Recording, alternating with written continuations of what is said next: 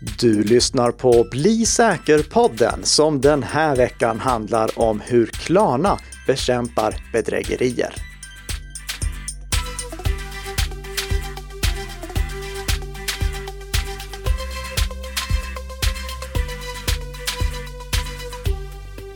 Ja, god morgon, god morgon och välkommen till Bli säker-podden med mig, Karl-Emil Nicka. Och i veckans huvudämne, en gäst. Ja, den här veckan gästas vi av Rickard Skog som är chef för bedrägeriprevention på den svenska betaljätten Klarna. Om vi backar tillbaka till i februari, då hade vi ju ett avsnitt som handlade om eh, krav på legitimering vid köp mot faktura på nätet. Då berättade jag att det finns ett lagförslag som eh, går ut som en proposition nu i höst som handlar om att det förhoppningsvis från och med årsskiftet eh, blir krav på att legitimera sig när man handlar mot faktura på nätet för att minimera minimera risken för bedrägerier. Då uppmanade jag också alla våra lyssnare att gå in på till exempel Klarnas webbplats och Qliros webbplats och själva aktivera den spärr som Klarna och Qliro erbjuder för att redan nu kräva kräva att eh, användare legitimerar sig för att få köpa saker mot faktura på nätet. Jag var också lite ifrågasättande till att den här spärren inte var påslagen som standard och jag kontaktade därför Klarna och frågade varför är den spärren inte på som standard hos alla? Och sen möjligtvis att ni låter de som inte vill ha spärren påslagen slå av den. Jag frågade också om de ville komma hit till podden för att berätta bakgrunden till det här och ge sin syn på saken. Och för någon vecka sedan, då fick jag en riktigt trevlig stund tillsammans med Rickard Skog som då berättar om hur Klarna arbetar med att bekämpa bedrägerier och varför den här spärren inte är påslagen som standard än. Han förklarar då också varför Klarna samlar in och sparar information om vad kunderna köper. Jag har ju i tidigare avsnitt meddelat att jag personligen undviker att handla med Klarna av rena integritetsskäl. Ett exempel på varför jag tycker det är viktigt, det fick vi i juni i fjol. I avsnitt 123 av Bli säker-podden pratade vi om dataläckan som Klarna då hade råkat ut för. Det var då som eh, en eh, bugg i caching-systemet gjorde att användare fick upp andra användares köphistorik den incidenten, eh, den eh, kan ni lyssna på mer om i avsnitt 123 och 124 om ni vill göra det. Men det är bakgrunden till varför jag eh, personligen undviker att handla med Klarna. Men som vi kommer in på i veckans huvudämne så finns det faktiskt också fördelar med att de har den här informationen. Och lyssna på veckans huvudämne så kan ni själva avgöra vad ni tycker. Om ni tycker att de fördelarna överväger integritetsnackdelarna. Men innan vi kommer in på det så måste vi såklart prata om åtminstone en snabbis. Och eh, snabbisen som jag har valt ut den här veckan, det är att apoteket skickade data om vad kunderna köpte till Facebook. Det var i torsdags som Sveriges Radio rapporterade att apoteket skickade information till Facebook om vad kunderna köpte för receptfria läkemedel och även andra saker som till exempel klamydiatest och inkontinensskydd skydd. Apoteket skickade till och med vilken totalsumma det blev och vilken mejladress kunden hade och vilket mobilnummer kunden hade till Facebook.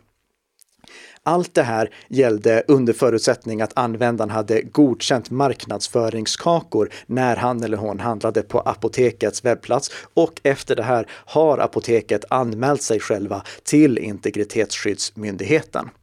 Men jag tycker att det är ett ypperligt tillfälle att lyfta upp den här spårningsproblematiken som vi har med att eh, webbutiker och även många andra webbplatser, de flesta andra webbplatser rent av, spårar oss användare och delar med sig av den här informationen till ett gäng olika annonsnätverk utan att vi nödvändigtvis tänker på att det sker. Jag tycker det är väldigt bra att eh, Sveriges Radio lyfte upp det här och att apoteket nu gör någonting åt det.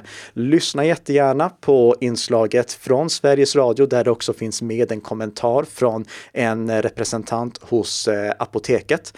Och om ni vill veta mer om hur andra sådana här webbutiker egentligen arbetar när det kommer till att sprida data till annonsnätverk, då vill jag passa på att tipsa om dataskydds.nets tjänst som heter Webkoll.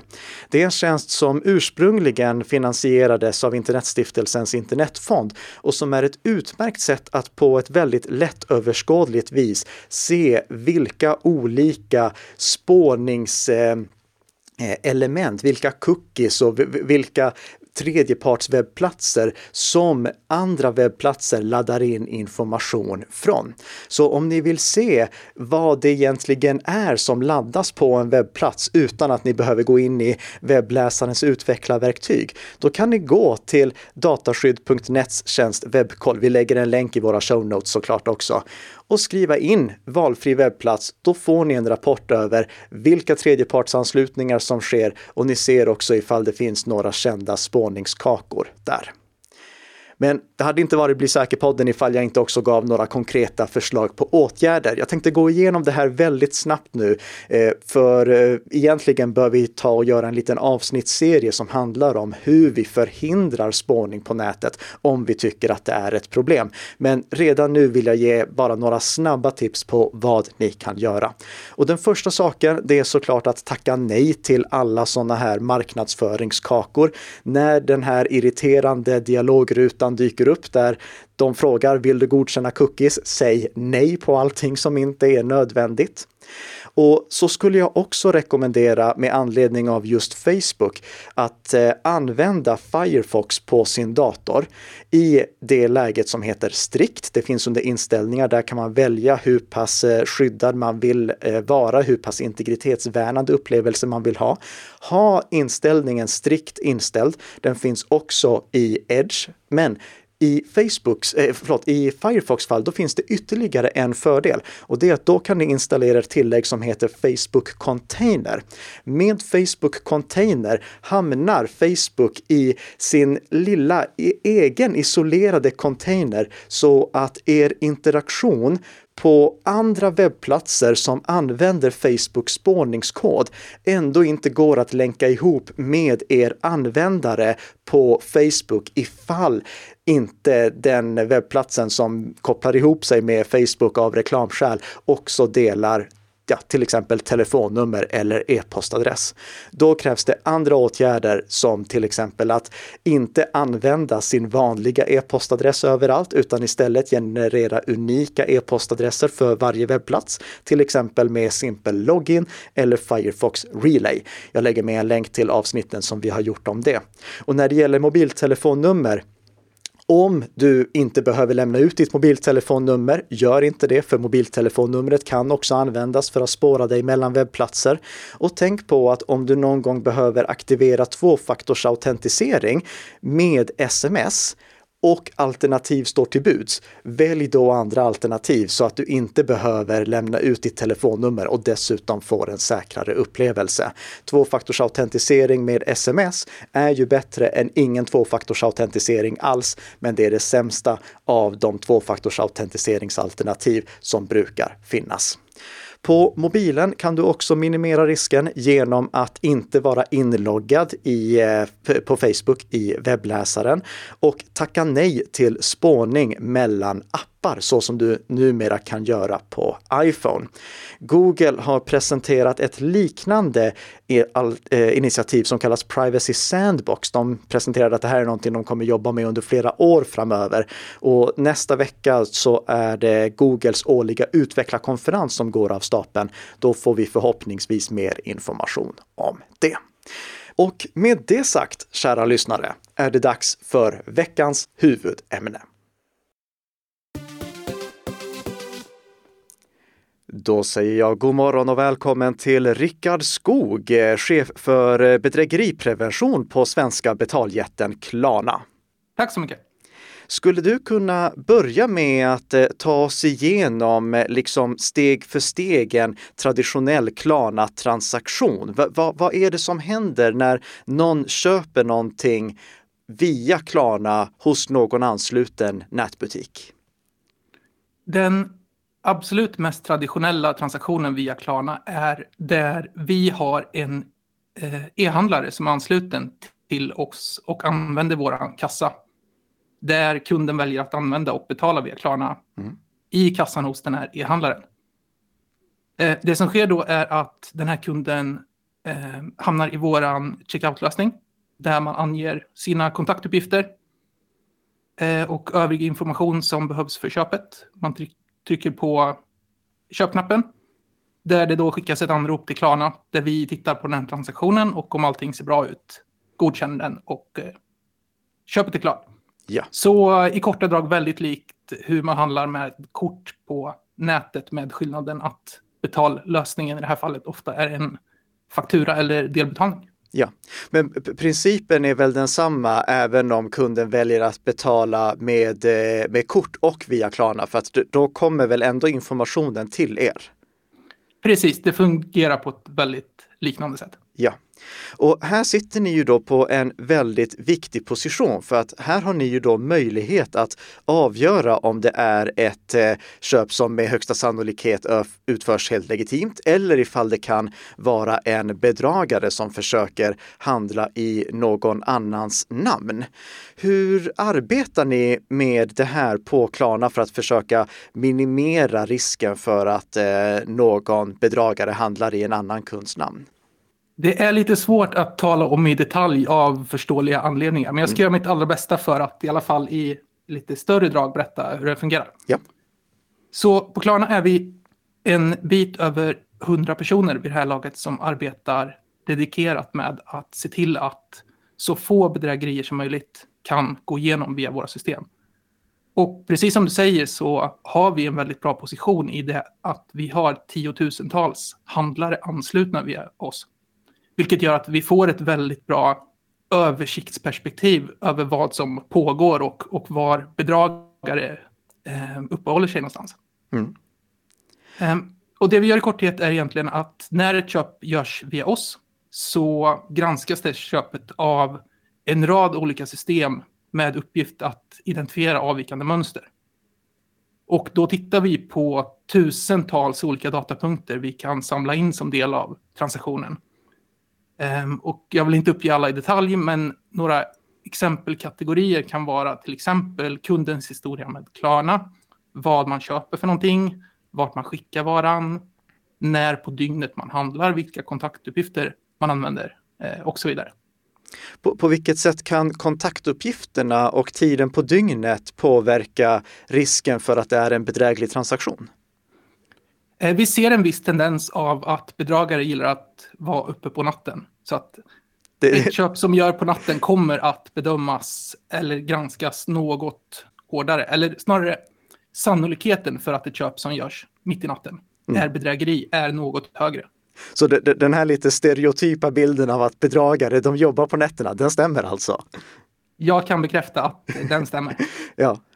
Men när ni gör en sån här bedömning då, hur pass du, du, du, sa att det var tusentals olika parametrar som vägde in. Är det de du har listat nu som väger tyngst eller är det någon annan parameter som är den som brukar vara avgörande för huruvida ni klassar en transaktion som sannolikt bedräglig eller inte? Det beror väldigt mycket på kontexten där man där det ser lite olika ut baserat på marknad, vilken betalmetod, vilken typ av bedrägeri och så vidare. Så att det finns ingen enskild unik parameter som, som alltid är den bästa. Nej. Eh, och sen finns det också eh, ett par som är väldigt, väldigt starka, men som jag inte vill dela med mig av till bedragare just för att de är så, så bra. Jag förstår, jag förstår. Men ponera nu då att eh, det kommer en transaktion som är på väg att genomföras via er. Ni klassar den som eh, bedräglig med hög sannolikhet. Vad händer då? En av två saker kan egentligen hända. Antingen så nekar vi den här transaktionen för att vi är så säkra på att det här är ett bedrägeri så att eh, vi anser att det bästa är bara att säga stopp, tack och hej här. Mm. Eh, men om vi är något mer osäkra Eh, det vill säga vi är inte helt säkra på att transaktionen inte är ett bedrägeri, så begär vi ofta kunden att autentisera. I det här fallet i Sverige oftast med eh, BankID som är vår allra vanligaste autentiseringslösning online. Mm. Kan handlaren som säljer någonting på, eh, med, med Klarna påverka hur alltså liksom nivån för när det ska krävas att kunden legitimerar sig med BankID eller e-legitimation? Vi har vissa möjligheter för handlare att vara delaktiga i, i det beslutet. Mm. Så ifall handlaren är, är, extra rädd om att inte det ska ske några bedrägliga transaktioner, då har handlaren möjlighet att påverka det i viss utsträckning? Det stämmer. Skiljer det här någonting mellan fysiska och digitala produkter? Alltså ifall kunden försöker beställa en, en vinterjacka eller ifall kunden försöker köpa en, en digital tjänst? Ja, vilken typ av vara man köper är en av de, de som vi pratade om tidigare, mm. väldigt starkt prediktiva indikatorerna eh, som påverkar risken för ett köp. Så att en digital vara är generellt mer sannolik att få en strängare bedömningsprocess eh, ja. i ett köp. Det är, jag vet inte om du kan svara på det här, men sparar ni också information om vad kunden har köpt historiskt så att ni kan jämföra det med nya köp och därigenom bedöma hur sannolikt det är att en specifik kund köper en specifik sak? En av de bästa sakerna med Klarna är att vi får information från e-handlaren om vad som köps till skillnad mot till exempel kortnätverken. Mm. Och det här gör att vi kan vara väldigt mycket bättre i vår förmåga att identifiera bedrägerier. Mm. Och den här informationen som du säger, den sparas enligt gällande regelverk, precis som all annan information som samlas in om köpet. Men, men, men det behövs ju nästan också i och med att med, med, eh, med, med kort så har vi ju idag eh, de eh, regelverk som kommer, eller egentligen kraven på att det är en autentiserad transaktion genom 3D Secure. Men det, det finns ju inte något liknande idag när kunden betalar med faktura. Det stämmer. Mm. Så det, det, det, är väl på sätt och vis en förutsättning för att det ska gå att köpa någonting på faktura utan att eh, behöva legitimera sig? Eh, det är en väldigt komplex fråga där det finns mycket missförstånd. Eh, det stämmer att 2019 så implementerades eh, PSD2 mm. som då innehöll det här autentiseringskravet. Men det misstolkas ofta som att man alltid behöver göra en autentisering när det sker en kortbetalning vilket inte stämmer, utan i PSD2-regelverket så finns det ganska generösa utrymmen för att göra undantag. Givet att man kan visa att man sköter sina bedrägerier och har låga nivåer. Okej. Okay. Och det här är någonting som, det har ju diskuterats nu på senare tid om man ska införa liknande lagstiftning för andra betalmetoder. Mm. Och jag ser positivt på det här. Jag tycker att PSD2 är en bra lagstiftning som hjälper till att reda ut, framförallt bland oseriösa aktörer i branschen. Mm. Ja, för nu, nu, i Sverige så finns det ju ett lagförslag på att det ska vara krav på e-legitimation för att få handla på faktura. Någonting som det är väl vid årsskiftet som det kommer träda i kraft om det går igenom väl? Det har talats om årsskiftet. Ja, ja jag, jag har för mig det. Och um, det här är någonting som Klarna redan erbjuder kunder att göra idag. Det med Klarna så kan du gå in i appen eller på webbplatsen och aktivera att det alltid ska krävas eh, bank-id i det här fallet för att få handla med Klarna. Varför är inte den här funktionen påslagen som standard? Varför måste en, eh, en kund som kanske inte normalt sett handlar med Klarna gå in och aktivera den här funktionen om eh, han eller hon vill att det alltid ska krävas e-legitimation innan en Klarna-transaktion går igenom? Det är en lång historia, men, men jag ska försöka dra den kortfattat. Och det, den allra främsta anledningen är tekniska skäl. Att vid tillfället när vi implementerade den här funktionen så stödde inte alla våra handlare funktionen att använda BankID. Vilket gjorde att när vi testade det här med användare så fick vi väldigt mycket klagomål där folk som inte hade BankID eh, inte kunde handla. Okej. Okay. Och det, det gick då emot den här smooth-regeln att det skulle vara väldigt lätt att, att handla. Men, men skulle man inte kunna sätta det som ett krav på handlarna att ni, ni måste stödja det här för att få ta betalt med Klarna? Vi arbetar väldigt hårt med våra handlare för att alla ska ha den här funktionaliteten och vi är väldigt nära just nu att, att nå dit. Mm. Eh, men, men jag vill invända lite mot det här argumentet att allting som betyder någonting är att det ska vara enkelt att handla. Så är det inte. Men Klarna finns hos tiotusentals olika handlare och om, om, vi gör en förändring som ser till att folk inte kan handla, till exempel för att de inte har BankID, mm. så riskerar vi att folk inte kan köpa sin medicin, de kan inte handla mat. Och det här är problematiskt med BankID just för att vi ser en betydligt lägre penetration av BankID i de äldre åldersgrupperna i samhället. Ja. Så någonting jag skulle vilja se en diskussion kring är hur gör vi oss inte beroende av ett enskilt privat företag här, utan hur kan staten gå in och hjälpa den äldre delen av befolkningen att, att säkra sig på, på nätet, men också samtidigt kunna handla. Mm. Det finns ju idag eh, alternativ till BankID som till exempel Freja e-id som har tagit fram lösningar för framförallt äldre som känner sig otrygga med att ha någon typ av digital legitimation. Freja e-id erbjuder exempelvis en möjlighet för äldre att låta sina barn godkänna godkännanden som den äldre vill göra för att ha barnen i ryggen. I, i, inte av juridiska skäl utan bara som en extra kontroll innan personen som känner sig otrygg otrygg, oavsett om det beror på att personen är äldre eller inte, men personen som är otrygg vill ha den extra säkerheten att barnet också har kollat vad det är som håller på att hända. Har ni funderat på att lägga till stöd för exempelvis Freja e-id eller eh, eh, Cover Security eller Swipe eller någon av de andra här eh, autentiseringslösningarna? Absolut, vi tittar hela tiden på vad som erbjuds och jag är övertygad om att vi kommer att se fler autentiseringsmetoder än BankID i Klarnas eh, checkouter framöver. Mm. Eh, jag vill inte peka ut någon enskild aktör, men jag tycker att allt arbete och alla framgångar i det här området är väldigt viktiga och behövs. Ja.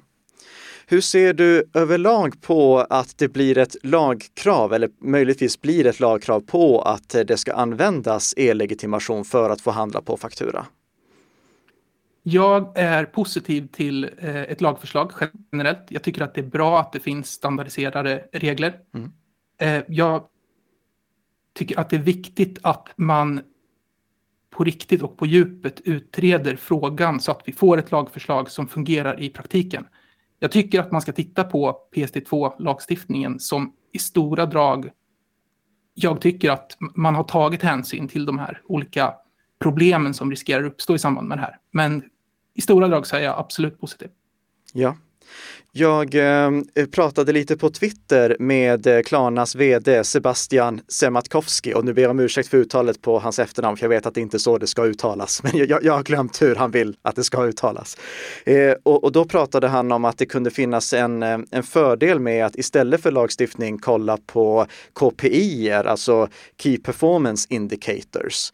Är det någonting som eh, du också står bakom att eh, det kan vara lämpligt att använda KPI för att se vilka bolag som sköter sig istället för att komma in med lagboken som verktyg? Jag tror att man kan nå en bra kompromiss här genom en kombination av de här två. Mm. Det vill säga att det finns en lagstiftning, men den lagstiftningen säger att så länge man sköter sig och kan visa att man har väldigt låga nivåer av bedrägerier så får man ett större förtroende att använda vad vi brukar kalla riskbaserade kontroller. Um, och det här drivs då av KPI som man får redovisa för, i det här fallet lagstiftaren. Mm. Uh, eh, PSD2 innehåller vissa delar av det här, till exempel rätten att göra undantag för vad som kallas för 3D Secure för kortbetalningar, så länge man har låga nivåer av bedrägerier. Ja.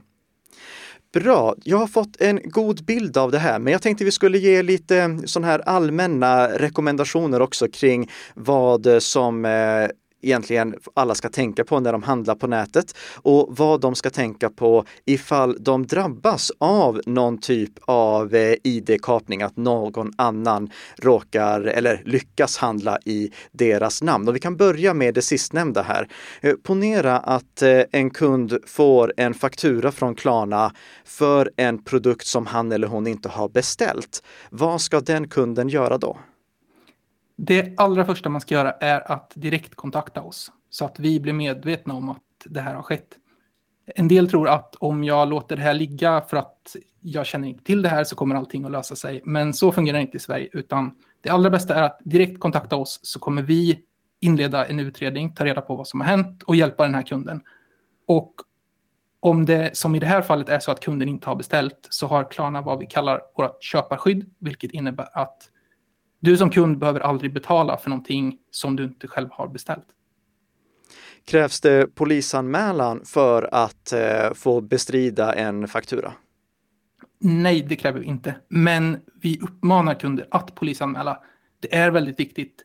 Även om polisen kanske lägger ner det här ärendet så finns det en statistik eh, betydelse av det här där Eh, vi behöver veta hur många bedrägerier och hur många bedrägeriförsök som sker i samhället varje år för att det här problemet ska få de resurserna som det behöver. Mm. Skulle du rekommendera att eh, lyssnare som eh, vill vara eh, preventiva går in och slår på den här spärren för att kräva bank-id också så att inte någon annan någonsin kan handla i deras namn? Jag lämnar det upp till individen. Eh, varje person känner sig själv bäst. Om man vill ha, om man tycker att det här BankID är en krånglig produkt att använda, man kanske inte har ett BankID, då kan man lämna det här av. Om man känner att man vill ha absolut säkerhet och inte tycker att det är några problem att använda sig av BankID vid varje transaktion, då kan man gå in och slå på det. Tack så mycket. Jag är mycket nöjd med de svaren och de eh, eh, förtydliganden och klargöranden som du har kommit med idag. Men skulle du inte kunna avsluta med bara rent generella tips? Vad bör en, eh, en svensk som handlar på nätet idag tänka på för att hålla sig trygg och säker? Det absoluta nummer ett tipset jag skulle vilja ge är relaterat till den här stora ökningen vi har sett av det som kallas för wishing-bedrägerier eller social engineering. Som i korthet går ut på att man blir kontaktad där någon kan utge sig för att vara Klarna, polisen, eh, din bank och så vidare och ber dig att göra vissa saker. Till exempel autentisera dig med hjälp av BankID. Eh, var väldigt skeptisk till den typen av kontakt. Generellt så kontaktar de här institutionerna inte dig. I det fallet du skulle bli kontaktad så be om kontaktinformation, verifiera den, till exempel genom att gå till, i det här fallet, vår hemsida för att hitta ett riktigt telefonnummer och sen motring så att du kan vara säker på att du pratar med rätt person. Och ifall våra lyssnare tycker att det där lät som någonting de har hört ungefär 166 gånger tidigare i Bli säker-podden så kan jag säga att det här hade vi inte kommit överens om att du skulle säga. Men det är givetvis någonting som vi rekommenderar. Är det någonting mer som man bör tänka på allmänt för att handla säkert på nätet? Man bör vara försiktig och skeptisk till var man lämnar ut sina uppgifter. Ehm, om det är en e-handlare som du inte känner till och kanske känner dig osäker på. Se till att välja en betalmetod där du vet att du har ett ökat skydd. Det kan vara att handla med kreditkort. Det kan också vara att handla på faktura. För där behöver man inte betala förrän man har varan hemma och har undersökt den. Eh, sen finns det de vanliga tipsen. Se till att din utrustning har de senaste uppdateringarna. Var uppmärksam på olika typer av brev.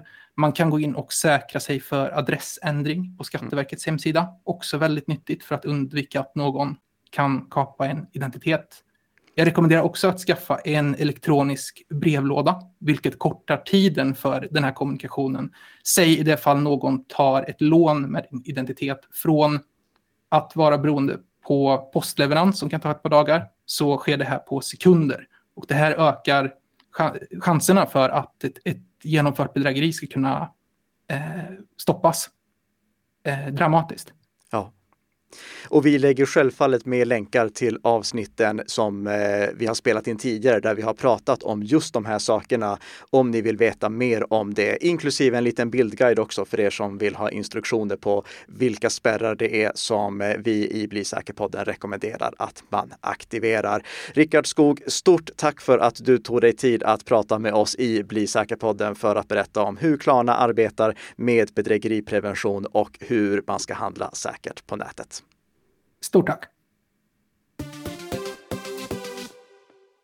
Och efter den intervjun ser jag att vår veckoliga halvtimme också har nått sitt slut. Så stort tack kära lyssnare för att ni har lyssnat den här veckan. Inom kort kommer jag att avslöja vem som tar över Tess plats här i podden och det vill ni självfallet inte missa. Så passa på att prenumerera på podden för då får ni också automatiskt ett nytt avsnitt nästa vecka av Bli säker-podden som gör dig lite säkrare för varje vecka som går.